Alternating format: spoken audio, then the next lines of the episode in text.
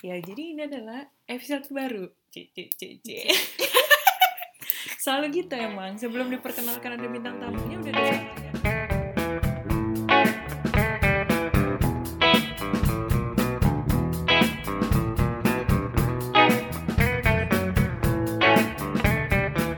Kali ini, ya, kali ini ada gestar berbeda nih dari dua episode sebelumnya. Asik. gila, gila. Lebih spesial gak dari yang sebelumnya? Ah gitu. Lebih spesial mungkin. Mari kita buktikan lewat obrolan hari ini ya. Oke. Eh gestar kita kali ini namanya siapa?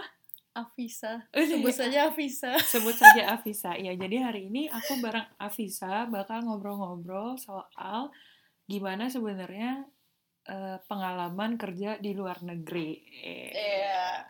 Sebenarnya itu sesuai dengan tanggapan orang-orang di luar sana apa enggak sih gitu kerja di luar Hmm. negeri. Berhubung aku belum kerja, maka eh, saya undanglah Afisa ini sebagai salah satu buruh korporasi yang ada di Belanda. Budak kor- korporat maksudnya? Iya, budak korporat kan buruh juga kan itu. Iya, buruh korporat. Iya, Oke.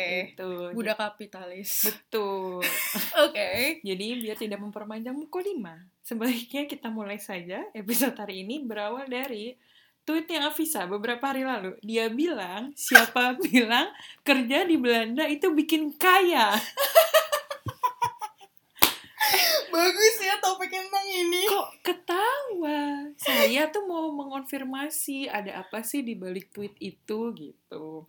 Kenapa? Kenapa ada pernyataan seperti itu? Bukannya kerja di luar negeri itu enak ya? Hmm. Gitu. Oke. Mungkin apa Harus klarifikasi dari Iya. tweet aku yang itu. Terus, iya. Oke, jadi sebenarnya gimana sih image orang kalau kerja di luar negeri? Oke, gajinya bagus, gajinya beda currency-nya, berarti bisa spending lebih banyak. Gaji, misalnya standar gaji fresh grade di sini sama kayak standar gaji misalnya let's say manager atau medior level di Indonesia. Oke lah, kalau yang itu aku nggak bisa bantah, tapi aku nggak bisa bilang juga dengan gaji segitu, eh kesejahteraan hidup aku sama kayak kesejahteraan hidup manajer atau mid level di Indonesia. Oh gitu. Alasannya kenapa? Hmm. Alasannya banyak. Ya pertama kalian tahu sendiri kali ya, kayak gaji banyak juga pastinya dibarengin sama expenses yang lebih gede. Hmm. Rent rumah di sini semurah-murahnya berapa sih sebulan, Div? Kayak 400 500 euro. Tapi kalau 400 Hmm. euro kayaknya agak impossible sih kalau nyarinya di ibu kota kayak di Amsterdam. Iya, iya. Mana terkenal sebagai salah satu kota termahal di dunia lagi Amsterdam ya. Exactly. Nah, salah satunya tuh itu, misalnya udah dapet rumah 500 euro, ekivalen berapa berarti? Eh, 500 kali 16 ribuan. 8 jutaan. 8 jutaan itu udah 9 minimal juta. banget. Bayangin dong 8 juta udah keluar cuma buat rumah. Itu pun Hmm. minimal ya. Itu 500 belum pakai yang lain-lain. Dan susah banget ya buat nemunya ya. Exactly. Aku kayak sampai sekarang sih belum nemu yang 500 tank di sini Hmm, di hmm, Amsterdam hmm. sayangnya. Oke lah, terus makan yang nggak usah ditanya lah makan gimana di sini beli kopi aja udah berapa puluh ribu sendiri. Hmm. Mungkin di Indonesia banyak yang kayak gitu tapi di sini belum lagi ditambah makannya dan lain-lain Yeah. mahal. Transport super mahal. Wah, itu kayaknya Mhm. semua orang yang tinggal di Belanda paham banget itu ya. Iya, emang emang bikin sedih. Tapi bukan cuma itu doang. Oke lah, Ah. expenses gede. Misalnya kita bisa cut down dengan nabung lebih banyak. Terus misalnya daripada naik tram atau metro atau ya angkutan umum mendingan naik Hmm. sepeda misalnya diakalinnya kayak gitu. Tapi nggak itu juga. Yang lainnya lagi adalah pajak penghasilannya gede banget di sini sumpah. Aduh. Itu itu dipotong berarti langsung dari dari gajinya ya. langsung dipotong dari gaji. Udah gitu kayak pajak penghasilan di sini bisa sampai 30% dari gaji. Dan bayangin dong yang jadinya kayak gini. Jadi kalau gaji orang yang kecil dibandingin sama gaji bosnya yang udah gede, ujung-ujungnya sama semua gitu loh, rata gitu loh. Misalnya gimana ya ngomonginnya misalnya let's say ada yang gajinya 3 ribuan gitu 3.000 euro. ada yang gajinya 2000 euro potongannya 3000 euro pastinya lebih gede kan karena pajaknya Ah, rata iya, bahkan iya. lebih gede makin gede makin Iya, gajinya iya. gede makin potongannya makin gede Iya, iya, iya. ujung-ujungnya bedanya cuma dikit-dikit bedanya cuma berapa ratus doang gitu loh satu sama lain Iya, Jadi iya, kayak iya, iya. emang itu menyedihkan menyedihkannya di hal itu dan lagi-lagi ngeliat gajinya kayak gini jatuhnya juga spendingnya juga lebih kurang bukan berarti aku foya-foya tinggal di Waduh, sini soalnya- guys. Soalnya ya Fis kan Mhm. biasanya kalau ngelihat dari dari Instagram atau misalnya dari sosial media yang lain kan ya ya wah jalan ke sana kemari tinggal di Eropa gitu kan tinggal di Hmm. Belanda pasti orang berpikir wah dia hidupnya udah enak banget udah settle punya kerjaan di luar negeri Mhm. terus ya udah living eh, kayak enjoy the life to the fullest aja gitu kan nggak bisa dibilang kayak gitu oh sih nggak bisa nggak bisa ya sama itu merujuk ke podcast kamu yang pertama tentang eh pertama atau kedua sih yang ngomongin tentang hidup di luar negeri kayak gimana pertama ya Hmm. Mm-mm. Waktu kamu ngomongin tentang itu ya ujung-ujungnya apa yang aku lihat di Instagram ya cuman ya bagus-bagusnya doang ngapain aku ngeliatin isi dompet aku gitu di Bener, Instagram bener. story? Bener bener siapa bener. juga yang mau lihat aku gak punya duit? Kayak waktu mending kalau nolnya banyak ya. Mending kayak gitu kalau iya enggak. Bener-bener ya ya itu sih ya ujung-ujungnya ya yang aku tunjukkan ya, ya bagus-bagusnya aja gitu loh dan nggak semuanya yang aku liatin itu representatif hidupku kayak gitu gitu loh. Hmm. bukan berarti kayak tinggal di luar negeri oke lah tabungan segini segini segini atau gimana gimana ya tapi pengeluarannya juga banyak juga kali. Aku di sini orang lain banyak temen-temen di Indo yang udah mikirin soal investasi lah Iya, iya, DP rumah benar-benar. gitu. Gitu sini boro-boro gue mah bakar duit terus ya bulan. Yang penting survive dulu ya Ya, hari ini. survive dulu makan apa kayak ya gitu sih. Ya mungkin ya enak gak enaknya adalah ujung-ujungnya ya mm, money management juga sih. Maksudnya ada ya kalau misalnya ada orang yang spendingnya kurang emang lebih banyak kayak ya udahlah kerja pulang kerja pulang gak baik jalan-jalan gitu-gitu Mm-mm. ya. Cuman ya susah juga ya. Ya sebagai orang yang Hmm, harus menyimbangkan balance gitu juga. iya. Sebagai orang yang menyimbangkan kerja dengan leisure ya pasti ada Hmm. sacrifice-nya yaitu di sini adalah money-nya gitu iya kan. bener terus apa lagi ya tadi ngomongin soal duit mungkin hal lainnya adalah hal-hal yang aku nggak liatin di sosial media kali ya Hmm. terus apa aja sih kayak emang Hmm. seenak itu ya seideal itu ya Aduh, ini nih ini fakta-fakta di balik kamera nih. Coba-coba mungkin mungkin bisa diberi pencerahan nih buat orang-orang yang mungkin kurang tahu ya. Hmm, Oke, Gitu. mungkin kayak alasan pertama oke lah uang bakar duit tuh kayak masalah paling utama, tapi yang kedua yang nggak kalah pentingnya juga adalah social factor sih itu Hmm. penting banget. Gimana gimana nih? kayak bisa dibilang kalau misalnya di Indo ya banyak yang masih ya in touch atau bahkan tinggal bareng sama keluarganya. Hmm. Tapi kalau di sini aku makin ngeliat pertemananku tuh makin sempit aja gitu loh. Hmm. Oke lah mungkin other than that kayak emang bener kayak ya kalau misalnya aku coba apa ya kayak coba mm, getting out of my comfort zone terus kayak bergaul sama teman kantor dan lain-lain Iya. kayak oke lah itu ya salah satunya itu cara buat solve problemnya tapi masalah lainnya adalah kayak at the end kayak going back to the previous stage gimana ya ngomongnya tapi kayak perlu juga nggak sih kayak support system ada Iya, orang iya, dekat iya. orang Indonesia yang bisa saling relate satu sama lain Bener bener gitu. bener bener.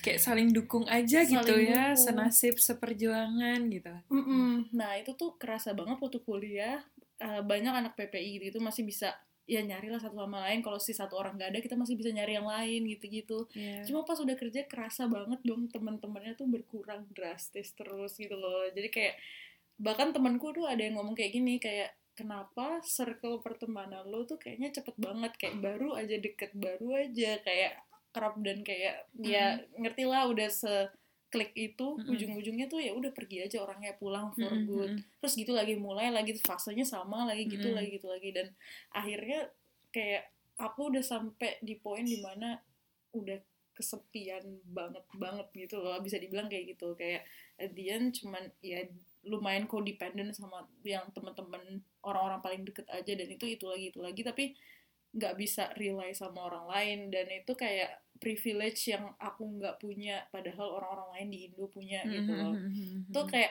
hal yang sebenarnya aku nggak tunjukin di mana-mana ke sana hidupku baik-baik aja punya teman-teman baik dan lain-lain tapi ya sebenarnya itu matter banget dan Bener, bener. kerasa banget sih waktu apalagi kalau lagi weekend gitu-gitu ketika orang lain bisa catch up sama orang segampang itu ketemu temen satu sama lain dan dari mana-mana ya aku ujungnya end up sama orang itu lagi. Belum lagi kalau orangnya unavailable ya udahlah kayak kesepian Iya, aja. iya, aku bener.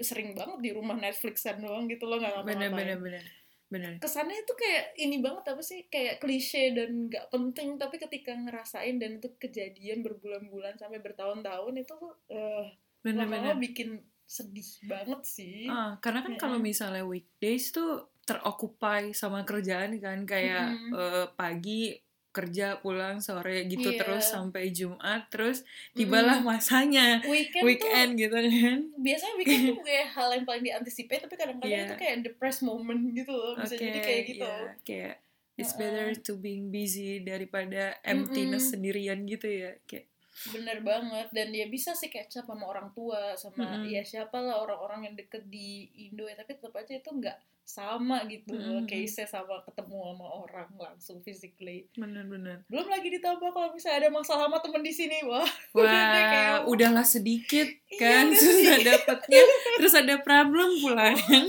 udah deh itu udah beda cerita lagi kalau kayak gitu. Bener bener bener. Itu sih itu yang nggak enak ya Berarti ini kayak hal-hal yang harus dianticipated ketika mau mutusin buat eh, tinggal di luar tinggal di luar kerja ya. di luar benar Heeh. benar benar. itu yang nggak kelihatan aja sih menurut aku Hmm. Karena kan orang lihatnya pasti ya dia lagi jalan bareng ini ya dia masih eh, Mm-mm.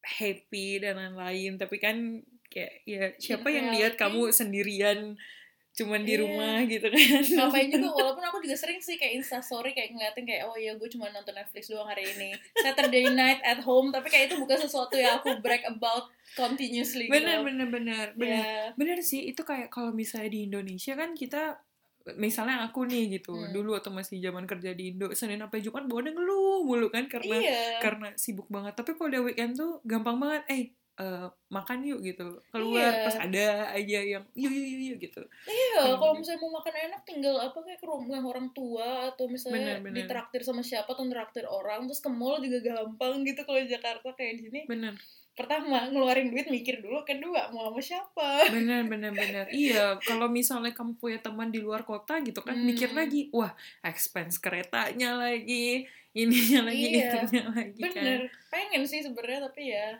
kendala duit beda lah. Dan ini juga sih yang menurut aku penting kayak nggak jangan mikir kalau misalnya misalnya orang lain bisa jadi kayak ada yang ngomong kayak gini ya kamu bayangin aja orang lain nganggep hidup kamu ideal Mm-mm. ada semuanya ini ini kayak apa sih kurangnya? dan lain-lain. Tapi kayak di sini aku pun juga nggak compare aku dari ke hidup orang-orang lain gitu loh. Aku ngerasa Hmm. hidup aku lebih less ideal dari orang lain cuman aku nggak disclose itu aja gitu Hmm, hmm, hmm, hmm, hmm. Jadi kan sebenarnya balik lagi ya nggak usah dibandingin aja karena kan beda gitu kan. beda beda case nya gitu Berarti ini kayak gini ya, eh, ironi juga sih. Let's say eh, orang yang di Indo gitu kerja mikir orang yang kerja di luar gila asik banget, independen gitu kan.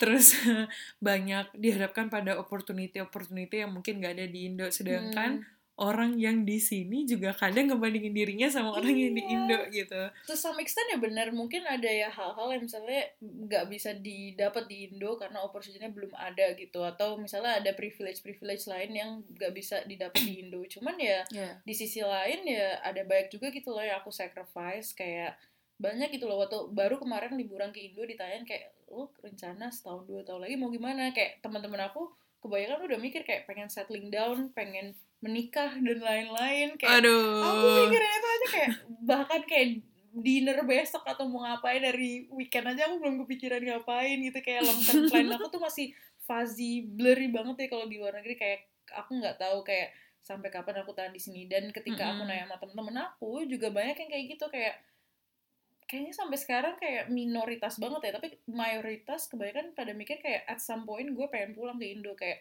gue tahu di sini gue cuma jadi well I would say kayak secondary citizen gitu loh kayak orang-orang pada Mhm. bilang gitu ini kayak gue tahu gue nggak belong di sini kayak as much as I want to kayak dia tahu kayak identity wise dia masih belong ke Indonesia gitu loh gitu Mhm. walaupun ya bener kayak ya caranya buat cope with these kind of issues ya lo harus berusaha getting out of your comfort zone terus kayak Yeah. lebih banyak uh, bergaul sama orang-orang luar dan lain-lain tapi tetap kayak some part of us apalagi orang yang kayak was born and raised di Indo gitu pasti ngerasa kayak it- kita nggak fully integrated gitu loh ketika kita kerja di sini. At the end kayak kita pengen balik lagi ke comfort zone kita, balik ke square one dan bersama orang-orang yang ya you know yang lebih bisa relate sama kita. Iya, jadi Mhm. kayak back to where you belong Exactly. in the first place gitu Iya. kan. Ya, oke. Kok jadi sedih ya? Saya ini padahal padahal maksudnya podcast ini adalah memberi enlightenment bahwa tidak semua yang terlihat bagus itu benar-benar bagus gitu. Bahwa ada Messi tapi kok aku jadi sedih, Fis. Jadi curhat session seperti biasa kalau ketemu Gak apa-apa. kayak gitu. nggak apa-apa ini kan berarti menunjukkan bahwa eh, kadang kita tuh selalu eh, upward comparison selalu bandingin sama Exactly. orang yang di atas padahal sebenarnya kita nggak tahu aja kan eh, Mm-mm. battlefieldnya mereka tuh sebenarnya gimana Iya, dan nggak tahu kenapa sih ha, malah jadi ngomongin psikologi ya. Tapi kayak ada nggak sih tendensi orang tuh ngeras ngecilin eh, apa ya kayak drawbacks atau kayak ya Ya. hal-hal minus dari orang lain gitu loh. Misalnya orang bakal mikir kayak ya elah kesepian doang bisa kali cari orang Indo komunitas Indo atau Mm. pacaran aja kali sama bule gitu-gitu. Tapi kayak. In reality nggak segampang itu gitu loh. Tadi ya awalnya aku mikir kayak aku bisa endure kesepian, aku Mm-mm. bisa kok living independently, nggak harus sama orang dan lain-lain. Mm-mm. Tapi ketika aku merasakannya sendiri itu nggak se secemen yang aku pikir gitu loh. Iya, Kayak iya. masalah-masalah kayak gitu gitu. Ya. Itu aja sih kayak ya hal-hal yang aku reluctant buat ngeliatin di Instagram atau sosial media yang lain. Tapi malah curhat di podcast. Iya, tapi kan tapi kan itu sebenarnya ya nggak apa-apa podcast ini sebenarnya adalah wadah curhatan. Kalau kamu lihat Hmm. deskripsinya, memang sudah saya tekankan dari awal bahwa Diba Diba X saya versus mereka tuh buat itu, buat Hmm. ngasih tahu versi saya tuh hidup saya tuh sebenarnya gimana, nggak kayak Hmm. yang mereka pikir tuh gimana. Slow aja. Tapi Oke. yang kalau masalah minimizing eh, yang apa kayak eh, kita pikir Kekurangan. Iya, itu sebenarnya emang ada sih kecenderungan-kecenderungan buat kayak gitu. Dan eh, ya itu kayaknya udah udah underlying di human human instinct atau gimana aku juga gak ngerti. Iya, Karena ada iya. tendensi kita Mm-mm. tuh akan membesar-besarkan eh, pencapaian pencapaian orang, mengecilkan pencapaian kita dan juga mengecilkan kesulitan orang tapi memperbesar kesulitan kita gitu. Iya, Jadi kayak ya misalnya aku kalau misalnya nih contoh jeleknya adalah kamu bilang ke aku kesepian ya udah sih Fis pergi aja sama orang kantor Iya. gitu kan itu Iya, kayak kayak- gampang banget ngomongnya gitu tapi nggak kepikiran kalau orang kantor juga punya keluarga dan temen-temennya Yes. sendiri gitu loh weekend Heeh. kayak nggak segampang yang Iya. dipikirin ya gitu. akan selalu ada si cognitive Hmm. error kayak gitu kan iya benar kayak gitu kalau misalnya dari lingkungan kerjanya sendiri gimana kira-kira Hmm. eh, ada bedanya kan kamu udah sempat ngicip juga nih mungkin di korporasi eh, Di di Indo, Indo kalau iya. misalnya dengan di sini tuh ada ada bedanya nggak Hmm, kalau dari working culture sebenarnya ya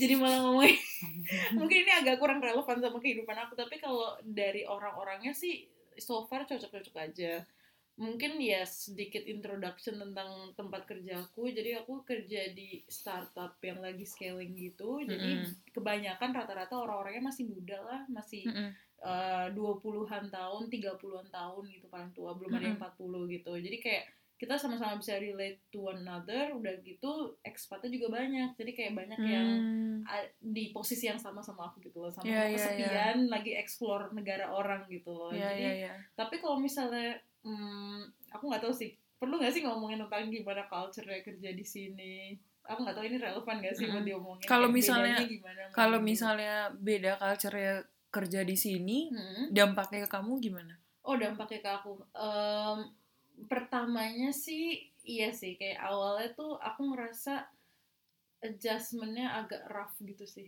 in the Hmm. beginning apalagi kayak aku tuh awal malu-malu banget gitu loh. Jadi aku mulai kerja di tempat ini tuh pertama sebagai intern dulu baru kerja Mm-mm. full time.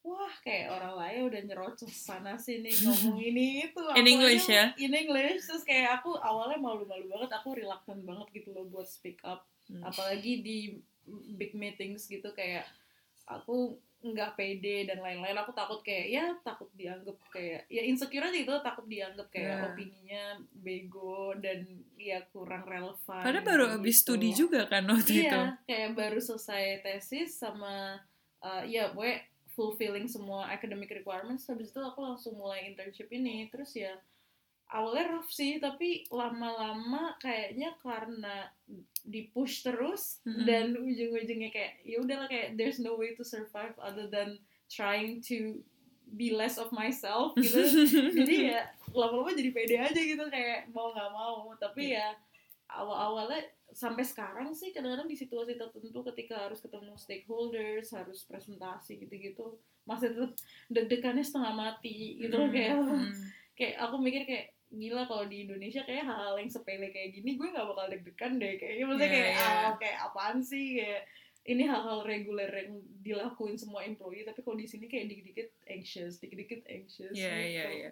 Berarti ini juga salah satu hal yang mesti disiapin ya, proses Mm-mm. adaptasi dan em, gimana ya, blend dengan dengan exactly. working culture di sini seutuhnya gitu kan. Iya.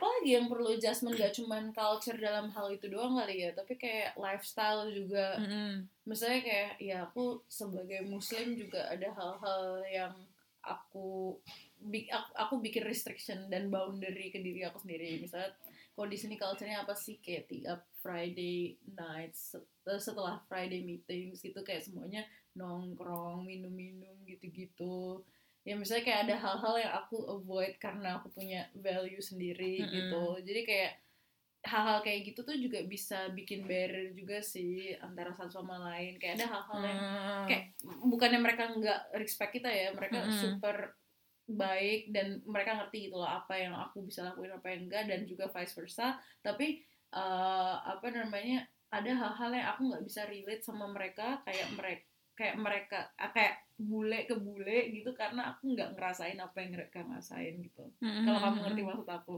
Mm-mm. ya Mm-mm. gitu jadi kayak itu bisa bikin boundary juga sih ya makanya jadi aku Ya. rasanya ujung-ujungnya jatuhnya jadi balik lagi kesepian gitu loh kayak Iya, gimana iya. sih aku bisa ketemu orang yang benar-benar bisa relate sama aku luar dalam dan nggak cuman professionally tapi juga personally gitu Iya, iya. Hmm. Karena ada batasan yang tidak mau dilewatin, tapi kalau nggak ngelewatin kamu juga nggak seutuhnya eh, attach dengan mereka gitu iya kan. bener itu ceritanya Sulit ya. gimana dia setelah podcast ini apakah kamu jadi tertarik kerja di luar negeri Mungkin kita tanyakan pada pendengar ya, apakah selama mendengarkan ini para pendengar eh, podcast ini tertarik? Tapi kalau misalnya itu kan banyakannya eh, downside ya kan, atau hal-hal yang eh, have to be work on. Kalau Hmm. misalnya positifnya atau benefitsnya yang kamu rasain itu apa?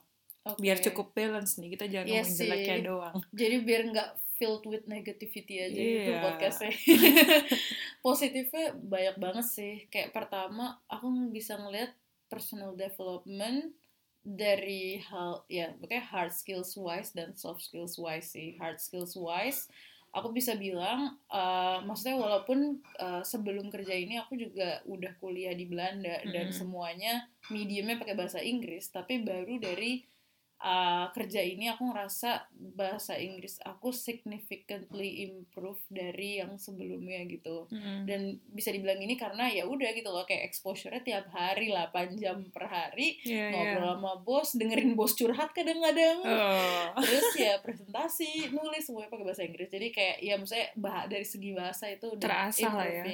dari hal-hal lainnya juga ya misalnya ya kayak knowledge tentang bidang itu juga makin nambah obviously gitu Mm-mm.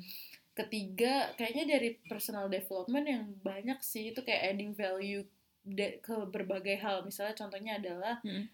dulu sebelum aku kerja kadang aku masih ngelihat dunia tuh lewat kayak perspektif aku sendiri gitu loh dari Iya, iya. rose tinted glasses aja gitu jadi kayak aku ngeliat kayak kalau black and white aja kayak yang bener ya bener menurut aku yang salah ya salah gitu loh Mm-mm. tapi ketika aku kenal orang jadi lebih deket kenal orang dari culture yang beda-beda lebih deket aku jadi berubah mindsetnya tentang orang itu. Kadang kalau ngeliat bule awalnya aku tuh masih manut-manut gitu loh kayak Mm-mm. kesannya kayak kita masih di zaman penjajahan gitu. Ngeliat bule tuh kayak wah aduh aku deg-degan Mereka sama superior bule." banget gitu ya, iya, kayak superior kayak mereka lebih pinter lebih ini gitu loh. Tapi itu mindset ini banget itu mindset penjajah banget gitu loh kayak gitu dan ketika aku mulai kerja dan kenal sama orang nggak cuman di kantor di professional setting tapi berusaha buat kenal mereka lebih dekat sebagai temen Mm-mm. aku baru sadar kayak ya udah gitu loh semua orang bener semua orang tuh equal semua orang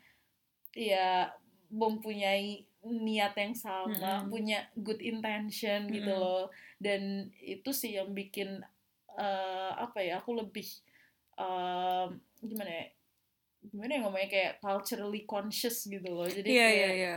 lebih lebih terbuka aja pikirannya Kamu Nggak juga ngeliat- jadi banyak perspektif buat mana Iya. sesuatu ya. nggak ngeliat orang tuh kayak black and white kayak ngeliat bule jahat evil karena mereka beda karena beda dari segi apa agama nationality ras dan lain-lain Mm. nggak kayak gitu gitu loh mikirnya jadi lebih positif tentang orang lain Mm-mm. Eh, kedua kayaknya aku juga ngerasa kayak ya misalnya soft skills wise aku lebih confident lebih mau speak Mm-mm. up lebih ini juga kayak lebih disiplin gitu ngikutin Mm-mm. apa sih working style Iya, iya, iya, lebih iya. tepat waktu lebih menghargai waktu orang itu sih kayak hal, -hal positif menurut aku lebih banyak kayak learningsnya di Hmm. sini jadi kayak mm, jadi expat tuh bukan nyari duitnya per se gitu sih menurut Iya. aku ini jadi sebagai opportunity buat belajar lebih banyak dan lebih luas juga gitu loh untuk menghadapi globalisasi Asik!